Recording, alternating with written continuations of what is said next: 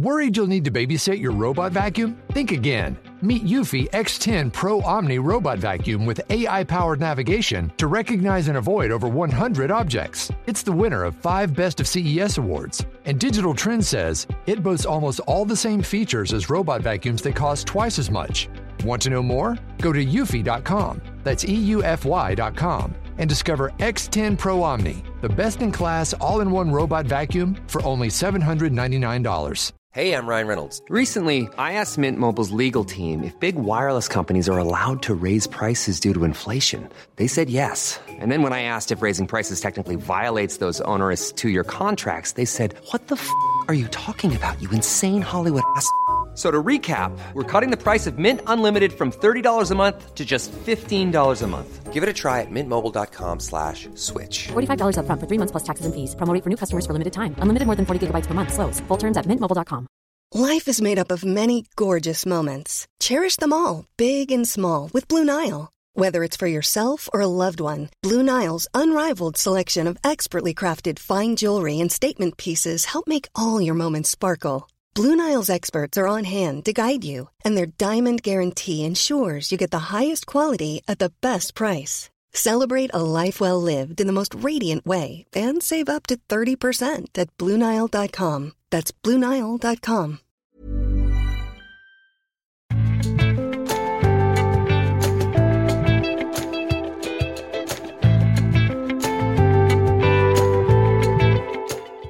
Kristenlærere si psykiske helse, kristen språkbruk og smal kristen musikk.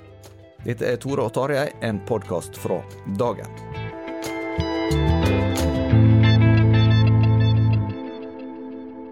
Story of my life, det der. Ja, der eh, har vi tatt opp mye forskjellig, Tarjei Gilje, i oppspillet til dagens episode. Og det var tredje forsøk på å starte denne episoden. Mm. Det merker jo ikke lytterne, men det er ikke alltid vi får til å, å treffe planken. Kanskje vi burde ha med alle opptakene? sånn? Ja, det finnes jo sånn. Her er eh, bloopers, er det det Ja, jeg kaller det? Ja. Eh, interesserte får si ifra, tror jeg, i tilfelle. Det er ikke, for meg noe veldig stort marked for det. Eh, vi har jo litt eh, forskjellig på eh, tapetet i dag, som framgår av den introduksjonen. Men eh, vi kan kanskje begynne med det at du har vært ute og skaffa deg litt eh, nye inntrykk. Ja, jeg lurer på om jeg skal begynne med en vits. Ja, ok, det, det får være greit. Ja, men det har sammenheng med dette her. Altså, fordi at uh, på fredag så var, så fikk jo altså Bjørgvin uh, vite hvem som blir den nye biskopen. Det vil si, det fikk man for så vidt vite torsdag kveld, men på fredag ble hun presentert i Bergen domkirke, og Ragnhild Jepsen uh, var den som var ventet eh, å bli biskop. Det snakket vi jo om forrige uke. Eh, Og så, og så kom hun fra Værnes flygende og kom inn i domkirken og, og snakket en nydelig dialekt. Ja, Og er vel fra Hallingdal, tror jeg. Yes, eh, og det, det, var, det var veldig flott, faktisk, eh, å høre på det. Eh, Og så, og så sluttet hun sin selvpresentasjon med en litt frimodig vits, da, som slo veldig godt an blant bergenserne og andre tilreisende i kirken. Og den var sånn som dette, at først er det da bergenseren og trønderen som møtes. Det har jo bakgrunn med der hun jobber nå. Og da er det bergenseren som frimodig sier sant, jeg er født i Bergen, jeg bor i Bergen, jeg skal dø i Bergen. Og så er det trønderen som litt sånn avmålt eh, spør. Men eh, har du ikke noen ambisjoner? og så kunne man jo bytte om på roller, da, hvis man ville det. Vi får se om hun gjør det når hun faktisk begynner.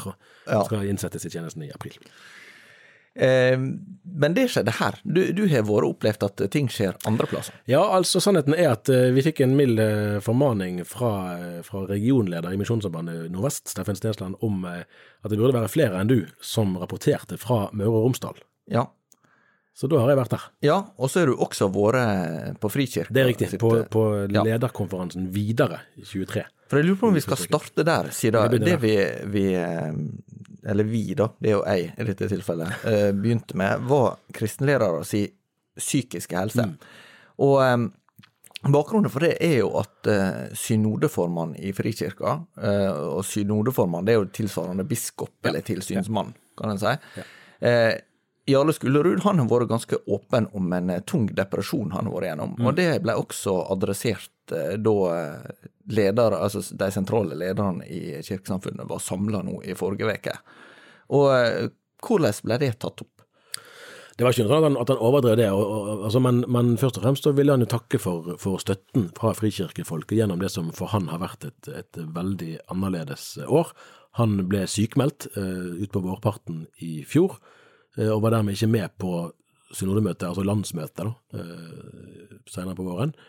Uh, og har vært ute en del, men jeg kom tilbake igjen i høst, og, er nå i i fullt driv. Eh, men man blir jo preget av, av, et mørke som var så sterkt at han eh, Altså, han sa vel retorisk fra talerstolen hva betyr det å følge Jesus når du er der at du egentlig ikke orker å face livet? Altså at selve livslysten egentlig var, var borte i perioder. Eh, så han har satt ganske sterke ord når vi intervjuet han før jul om, om hvor sterkt dette opplevdes. Det som handler om psykisk helse, er noe som angår veldig mange. Mm. Både fordi at eh, det er en stor andel som i løpet av livet opplever eh, det sjøl, om en ikke opp, altså psykiske helseutfordringer. Om en ikke opplever det sjøl direkte, så kan en være ganske sikker på at eh, mennesker i nære relasjoner kommer til å oppleve det. Og um, noe av det som jeg husker fra da Kjell Magne Bondevik var statsminister og fikk en eh, depressiv reaksjon, det var vel tilbake i 1998 ja, det var det. Eh, at eh, han ble en slags banebryter for det å snakke ja. åpent om psykiske utfordringer. Og dette er jo nå 25 år siden. Rett og slett. Og jeg har kanskje en følelse at det, i vår tid så kan en tidvis synes nesten det blir litt mye av det. Ikke, altså En snakker jo, ikke minst blant unge, mye om, om uh, helseutfordringer mm. som, som, er blitt mer tydelige. Eh, og en spør seg hvorfor er det sånn. Er det internett og sosiale medier og smarttelefon, eller er det eh, andre ting kulturelt som gjør det? Men det, det er jo en samtale. En annen samtale er jo den som handler om forholdet mellom uh, trusliv og mm. uh, det mentale. Og det er jo et utfordrende krysningsfelt, for en del kristne vil kanskje oppleve at dette her stemmer ikke helt. Altså, jeg skal ha et sunt rusliv, og dermed skal jeg også ha et sunt indre liv. Eh, og, og, og, er det sånn at jeg ikke har det godt med meg sjøl mentalt, eh, hva er det da et tegn på? Ja. Og så kan du trekke det enda videre. Når jeg studerte sosiologi for mange år siden, så lærte vi jo om det som der het karismatisk lederskap, og som egentlig i den sammenhengen er en helt allmenn betegnelse. Eh, men i denne sammenhengen får jo det karismatiske en ekstra dybde i og med at det òg har sitt teologiske innhold. Så du kan jo tenke deg det å skulle stå på scenen og være leder for en frikirkelig sammenheng, og samtidig faktisk snakke åpent om egne psykiske problemer, når gjerne en sånn man gjerne forventer at den personen skal virkelig være en som kan stå der og, og rope heia og kjøre på og full fart fremover, så, så, kan kontrasten bli ganske påfallende. Og Der, der synes jeg det var veldig sterkt og fint å se Jarle Skullerud eh, være ærlig med, med egen sårbarhet, og samtidig være knalltydelig på at Frikirken skal fremover. Eh, det er ikke noe sånn at vi skal stå stille og bare se oss bakover. Frikirken skal fortsette å gjøre det den er kalt til, gjøre disipler hjelpe flere til å bli kjent med Jesus, med full kraft. Eh, samtidig som man, man er midt i livet, med alle de svingene det kan, kan innebære. Så det der syns jeg egentlig ble en, en sånn fin modell. Og så sa jeg til å begynne med at det var ikke overdrevet, og det kan jo høres også en feil måte å si det på òg, men, men en som har en talerstol, kan jo eh, være fristet til å bruke, den, bruke forsamlingen som en slags sånn eh, sjelesørger, og fortelle inngående om alle mulige greier man, man går gjennom sjøl. Noen ganger er det naturlig å sette ord òg på nære ting, men, men, det er jo ikke noe sånn at, eh, at man skal Man må ikke nødvendigvis snakke om alt som er privat, men man kan snakke om noe av det som er personlig, og det kan være til stor hjelp òg for de som hører på. Det er en balanse her mellom det som en ser som åndelig, og det en ser som menneskelig, det en ser som uh, Somme vil jo kanskje betone mer i retning av at har et menneske utfordringer, så må det ha en åndelig forklaring.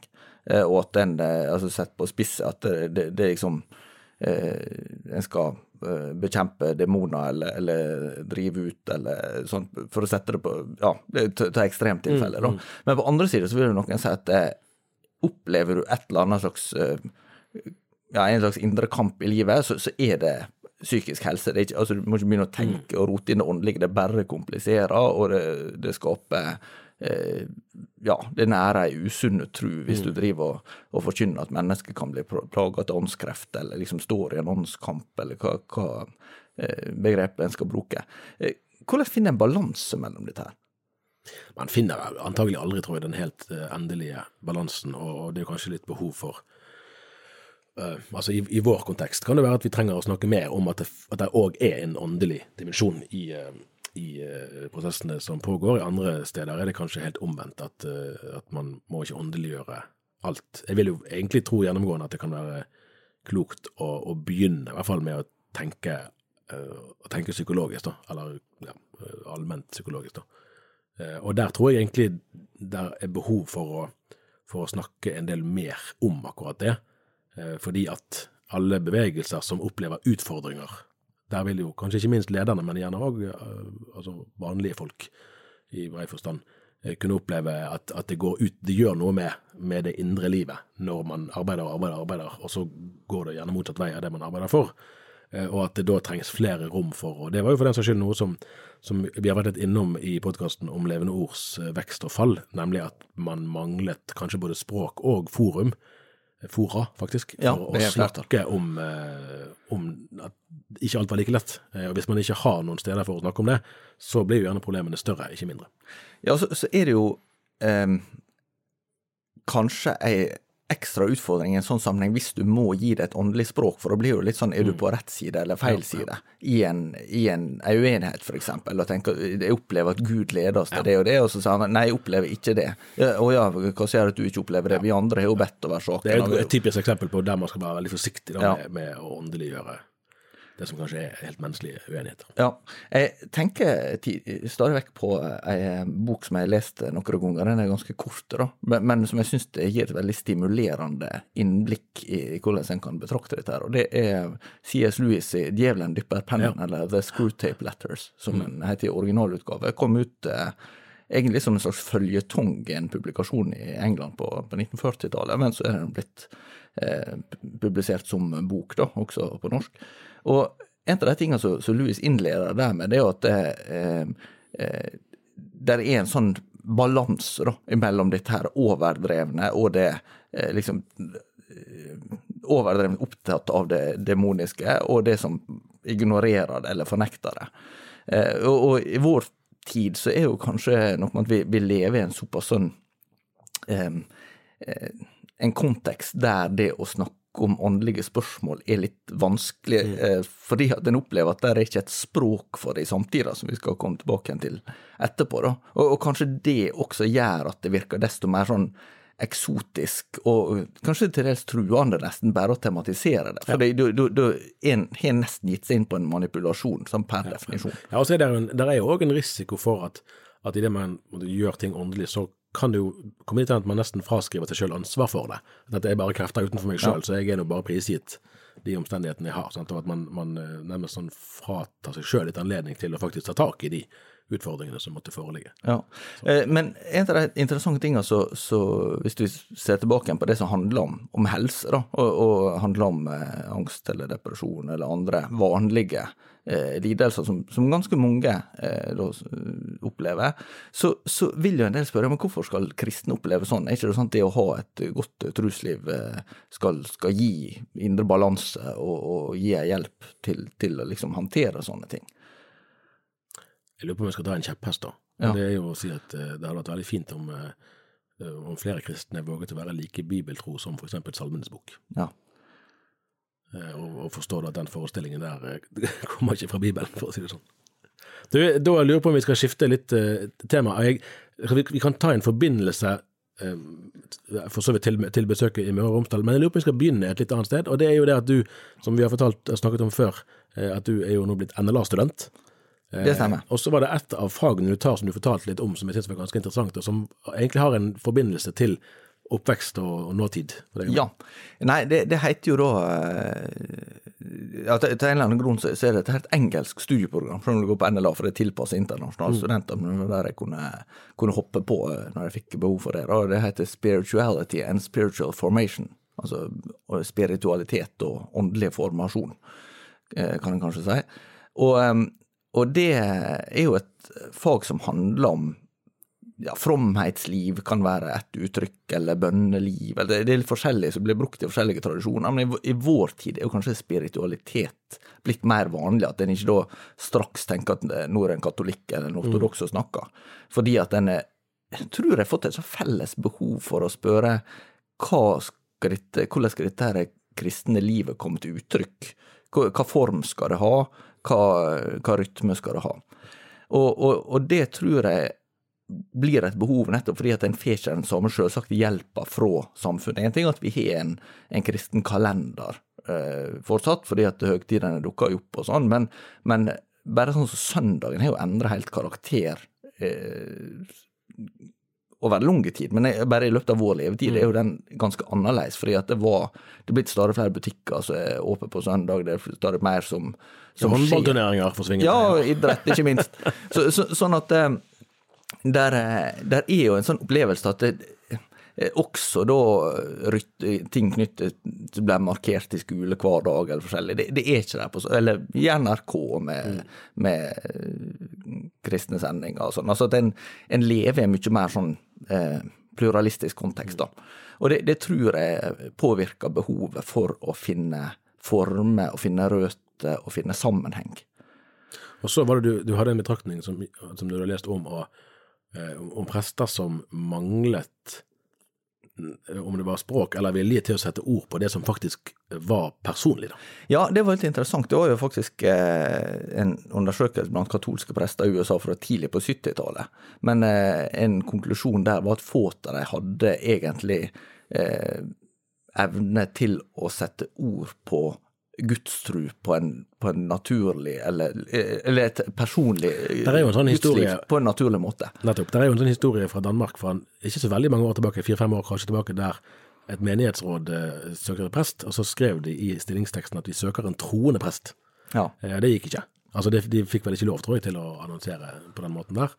Eh, og her møtes jo eh, ulike kristne tradisjoner egentlig ganske sånn klart. Sånn, på den ene siden du og meg er vokst opp i en tradisjon der det å, altså man snakket om å være personlig kristen, det gjør man vel ennå, men kanskje med litt annen valør. Syns ikke hører det så ofte. Nei, nei, det er ikke så mye i bruk, og når det er i bruk, så, så, er det ikke nødvendigvis personlig på den måten som vi lærte det. For det var jo at man hadde tatt en klar stilling, jeg regner meg sjøl som, som kristen, sluttet meg til en kristne bekjennelse. Her, her dette, dette, er noe som jeg personlig har et, et forhold til mens du kunne være mer kulturelt kristen og ha, for eksempel være norsk sant, og, og liksom være medlem av norske kirke, kanskje, uten at det nødvendigvis var noe du Altså at du hadde så veldig mye forhold til troens eh, innhold. Eh, og i dag vil jo kanskje vi si at både fra frikirkelig og, og lavkirkelig hold at det kan være behov for at det kristne språket ikke bare handler om det indre livet, at jeg kjenner Guds nærvær eller kjenner på en forventning om et eller annet, men at det òg vi trenger et språk som gjør at det går an å snakke om dette til en, en offentlighet som ikke har så veldig mye i forhold til, eh, til kristen tro lenger. Mens det du beskriver her, eller det denne undersøkelsen viser, er jo nesten det motsatte. At man kun har kanskje et allment språk for, for troens rammer, så å si, men mangler eh, språk for det som er troens innhold, som handler om hjertets eh, tilslutning. Der er jo kanskje noe mer brud. Altså jeg tenker at en, en eh, prest i en mer sånn liturgisk tradisjon vil jo ha et veldig rikt tilfang av former eh, som en kan eh, gå inn i, og som en kan eh, eh, formidle også til andre. Men, men, det er jo noe annet enn på tomannshandel i, i, en kontekst der de forutsetningene ikke er på plass, og kan gi uttrykk for hva en tror på, på en måte som er tilgjengelig for den som ikke forstår alt dette her rundt, da som ikke på en måte er i det kirkerommet. I, i uh, USA så er det jo uh, liksom på, på um, spøkefullt blitt eh, snakka om noe som heter Chris Chinese. Hm. At du snakker et, et kristenspråk som, som, er internt, men som egentlig ikke er tilgjengelig for de som ikke er inn, innvidd. Og, og, det tror jeg kanskje er en utfordring som, som ganske mange kjenner seg igjen i. Ja. Og noe av det som en kan spørre seg, det er jo ting som gir mening internt da, i en gudstjeneste eller møtesetting eller bibelgruppesetting. Eh, vil en kunne være i stand til å forklare det for en utforstående mm. hva dette er for noe, eller er det bare en opplevelse som, som, som en har språk for blant de andre som, som, forstår hva det er? Det er flere som, som opplever at dette her er dette er ikke så lett. Nei, det er utfordringer i begge retninger der, altså, som, som, begge to hver på sin måte er veldig, veldig reelle. Ja. Eh, men dette henger jo sammen kanskje med den utfordringa som du var invitert ja. til å, å, snakke om da på, på Nordvestlandet. Du var rett nok over. Det, det er jo sånn Møre og Romsdal, for de som ikke er så innvidd i Nordvestlandet sin geografi, det består jo av tre fogderi. Eh, det er ikke mange i Norge som husker på det der. Nei. Sunnmøre, Romsdal og Nordmøre. Og de har jo, eh, de har jo hørt sammen nå ganske, ganske lenge, disse fogderiene, men, men de er jo egentlig ikke en naturlig enhet. Det, det er en slags trio som er, som er ja, komponert i et fylke. da. Så, sånn at det, der er liksom kulturelle forskjeller og dialektisk ganske klare en, forskjeller. jeg har en sånn, om det ikke om det er en fordom egentlig, men som jeg får bekreftet hver gang jeg spør, da. Og det er at sunnmøringene er litt lettere til sinns enn romsdalingene. Eh, De er litt mer sånn alvorstynget i form, og, og, og som sagt, jeg har spurt flere fra begge stedene om å hver gang så ja, det stemmer. Men nå var det et tillegg. Eh, Det var faktisk en sunnmøring som sa at eh, men romsdalingene er mer pålitelige. Så nå kan, Ja. kan det være at du vil forsvare Ja, deg? ja, eh, nei, jeg skal, ikke, jeg skal ikke kommentere det. Neida. Nei, men det var i hvert fall sånn at, at det var en stabssamling for de som er ansatt i Misjonssambandet region Nordvest. Jeg tror de er 23 stykker som er det. Det var ikke alle som var til stede på Vestheim, eh, leirstedet Vestheim i, på Vestnes. På Vestnes. Ja, det er en fergetur fra Molde. Ja, ja.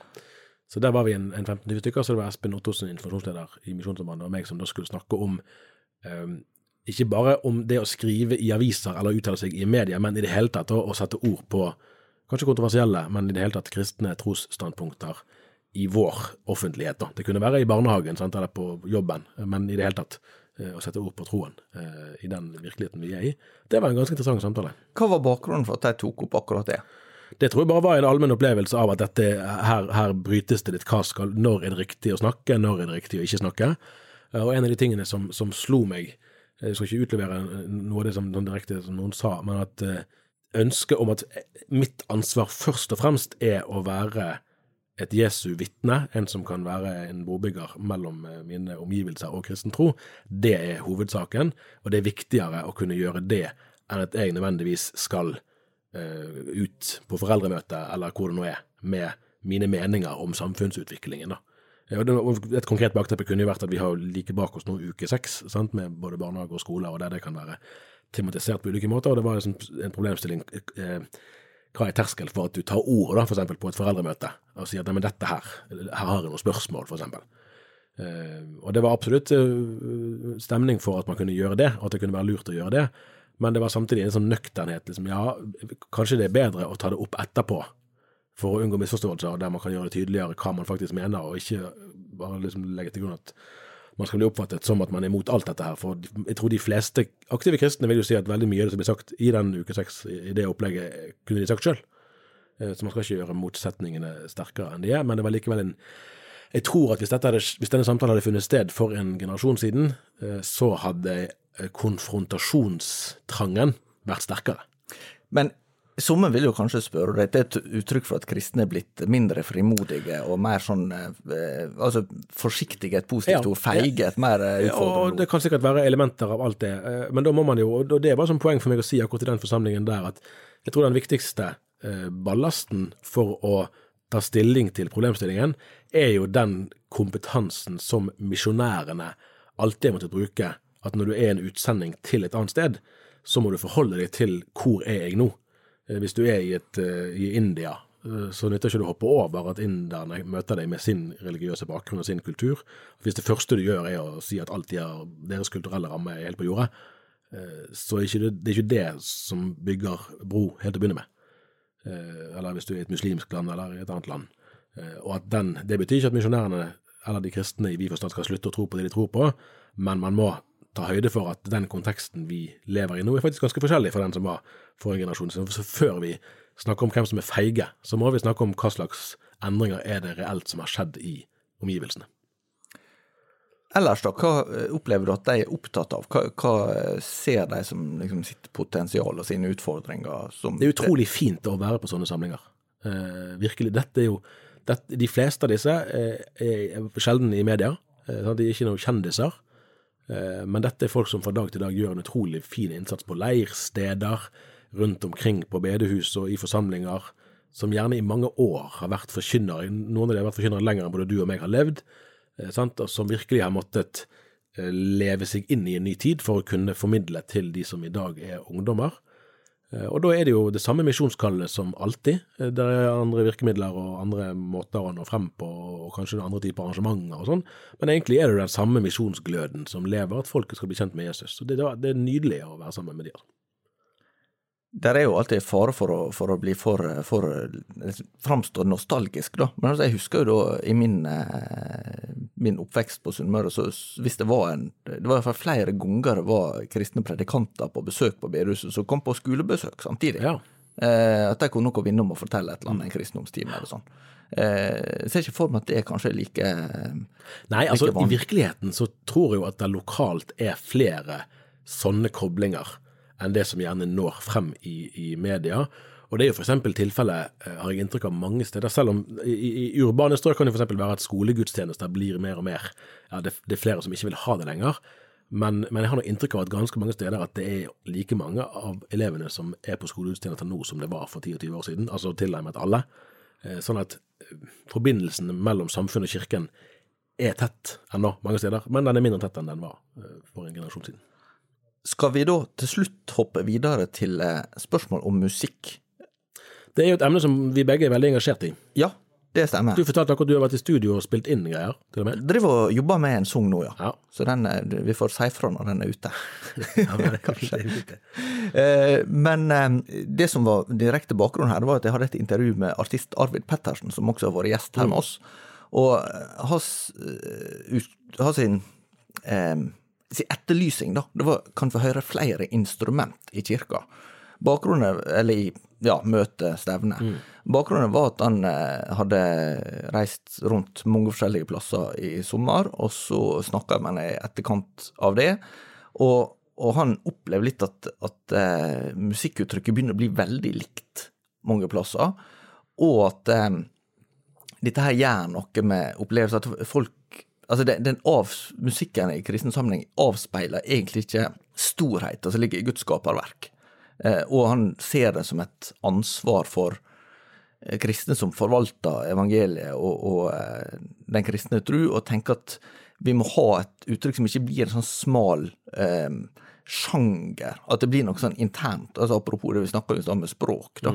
At du, du får noe sånn kristeligøst som, som blir for, for trangt i forhold til rett og slett det, de dimensjonene som ligger Men da er det mest eh, måte, musikkinstrumenter vi snakker nå, eller det Ja. sangvalg og tekster? Og... Eh, altså, Sånne ting vil jo kanskje også naturlig henge sammen. For, for, I utgangspunktet hans var jo det med, med musikkinstrument, men, men dette avspeiler kanskje også litt av orienteringa i altså hva tema, altså hva, hva, horisont er det en har for det, for det en synger. da. Altså I en kristen sammenheng så vil det jo naturligvis være en tydelig kristen horisont, men hvis du sammenligner f.eks. salmeboka, eh, eller sangboken, som det heter på bedehuset, eller den som bedehuset tradisjonelt hatt, og, og sånne andre sangbøker i andre sammenhenger, så, så er vel min hypotese at en eh, en del av de har hatt en bredere horisont for det kristne livet, også tilbake til det som vi snakket om i stad, med, med den mørke siden, anfektelse og, og kamp og, og sånne motiv, at det tror jeg egentlig har vært mye mer framme i en del eh, kristen sang som, som har vært laga tidligere, enn en det som kanskje iallfall gjengs, da. Det, det, det er vanskelig å uttale seg veldig generelt om det. Jeg lurer på hva vi vet om, om altså, altså hva eller hvem er motkreftene her, da? Ja. For det er jo mot, du kan si motsatt enn den lovsangsbølgen, som, som nå egentlig preger nesten alt, eh, den, den kom jo for alvor, sant? kanskje rundt 70-tallet, 80-tallet. Eh, hva er det nå som gjør at ikke flere salmer synges, eller at ikke det skrives flere sanger med innhold som ligner på det? For det, jeg, har ikke, jeg har ikke sett noen vedtak noe sted om at vi skal ikke ha det. Ja, eller at, at uh, idealet til veldig mange lovsangsband er sånn som blanding av U2 og Coldplay. Ja, ja musikalsk sett kan du si det, Ja. At det er en populærkulturell eh, Og, og jeg kan jo eh, ja, for så vidt like både U2 og Coldplay, men, men, men det er jo ikke nødvendigvis um, det er jo ikke nødvendigvis sånn at en, en trenger å, å, å begrense det til, til det. Og nå, nå er jeg klar at det, det blir jo brukt andre ting, men, men jeg tenker bare sånn så et større tilfang av akustiske instrument, et større eh, tilfang av stilarter. Eh, det, gjør jo noe med et fellesskap. Det er litt som en eh, som en heim. Det at hvis du har liksom det samme til middag, eh, altså du har tre retter og veksler mellom, så, så, så har du kanskje litt mindre variert kosthold enn det du har godt av. Men det, det fremstår likevel for meg som en sånn For det er jo, det er umulig å være uenig i det. Sant? Men det fremstår som en litt sånn Der er en del som tar til orde for det som Arve Pettersen sier. og for den saks skyld, Vi har snakket om dette flere ganger før her òg. Eh, og så virker det ikke som at det egentlig skjer så veldig mye nødvendigvis. Eh, nesten at utviklingen går andre veien. Hva er det som, er det som står i veien? Nei, det, det forundrer meg også, egentlig. For det en kunne sagt at ja, men her skulle kristne ha starta undervisningsinstitusjoner mm. og virkelig satsa på musikk. Og så tenker jeg ja, men det har en jo faktisk gjort. Ja. Eh, en har jo eh, bare i nærheten av oss et eh, kristent musikkgymnas som gjør en kjempebra jobb. Mm. Staffels gatemiljø i Oslo, mm. som er jo levert noen av de mm. fremste musikerne i Norge på ja, i flere sjangre. Mm. Og, og, du har også Ansgar-miljøet i Kristiansand, som mm. er ganske stort. Du har musikklinjer på flere bibelskoler og folkehøyskoler. Um, Sånn at det, det, det, er et eller annet sånn forunderlig der. Men jeg, men jeg, lurer på, jeg lurer på om en del av det handler om mer internasjonale trender også, mm. som, som um, gjør at en, en, blir jo prega av de som, som setter uh, liksom en, en, standard internasjonalt. Men, jeg ble litt oppmuntra der i USA for, for, eh, når jeg var der i september. Ja. For, for, der har jo uh, ekteparet Keith og Kristin Getty, som egentlig fra Nord-Irland, men som har base i Nashville. Um, de, de har jo starta et slags sånn nettverk av folk som lager moderne salmer. Ja. Eh, og, og, de er jo sjøl ganske inspirert av keltisk tradisjon, men også uh, eh, henta fra andre, andre, stilarter. De som jeg hørte der borte, det var på en måte i spennet fra klassisk til gospel til ja. mer som pop. Til, så jeg tenker som at der er, der er masse muligheter, da, men det er kanskje noen som må, må gå, gå foran, rett og slett. Jeg vet, til å si at, eh, at nå i, i, mars eller april, jeg husker ikke, så skal jo Michael W. Smith til Kristiansand og spille i Q42. Eh, og de siste hva blir det da, 15-20 årene kanskje, så har jo han egentlig vært kjent som en nesten sånn verdensledende lovsangsleder, som har gitt ut flere plater med typisk lovsangsmusikk. Saken er jo at han i, i nesten 20 år sikkert før det var en popartist som var litt sånn av det litt myke slaget, da, med litt sånn softballader og kjærlighetssanger og sånn men likevel en som, en som, laget sanger om det å leve ut troen sin gjennom livets ulike faser og, og, og med ulike utfordringer. Og, så eh, og den, den egenarten har nesten vært parkert eh, i seinere tid, når det har vært mer sånn rendyrket lovsangspreg som er en, har en snevrere eh, horisont. Eh, så egentlig er jo han eh, et eksempel på den eh, Ensretting er vel for sterkt, men i hvert fall den utviklingen som har tatt bort egentlig en del av de ressursene som, som fylte salmeboken med innhold, for å si det sånn.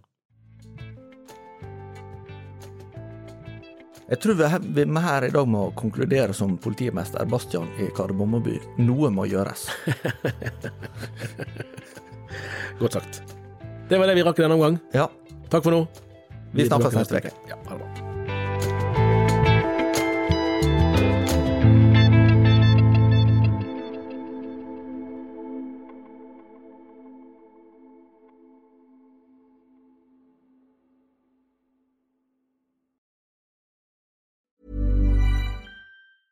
Worried you'll need to babysit your robot vacuum? Think again. Meet Eufy X10 Pro Omni Robot Vacuum with AI powered navigation to recognize and avoid over 100 objects. It's the winner of five Best of CES awards. And Digital Trends says it boasts almost all the same features as robot vacuums that cost twice as much.